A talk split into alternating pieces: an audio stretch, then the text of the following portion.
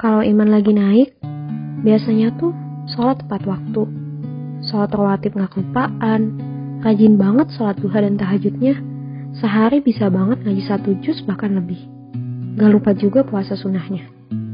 Tapi kalau iman lagi turun, sholat ditunda-tunda, sholat rawatib nggak terlaksana karena sholat wajibnya aja mepet waktu.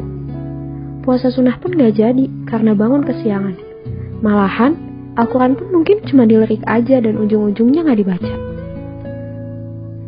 Iman kita itu ibaratkan baterai, butuh diisi ulang kembali, butuh di recharge. Tapi gimana caranya?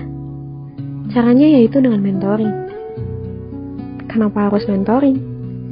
Dalam Quran surat Al-Asr ayat 1 sampai 3, Allah Subhanahu wa taala berfirman, "Demi masa sesungguhnya manusia itu benar-benar dalam kerugian, kecuali orang-orang yang beriman dan mengerjakan amal soleh, dan nasihat menasehati supaya mentaati kebenaran, dan nasihat menasehati supaya menetapi kesabaran.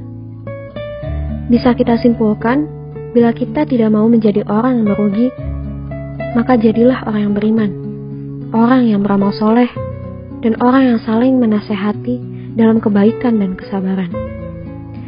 Bisa kita simpulkan, bila kita tidak mau menjadi orang yang merugi, maka jadilah orang yang beriman, orang yang beramal soleh, dan orang yang saling menasehati dalam kebaikan dan kesabaran.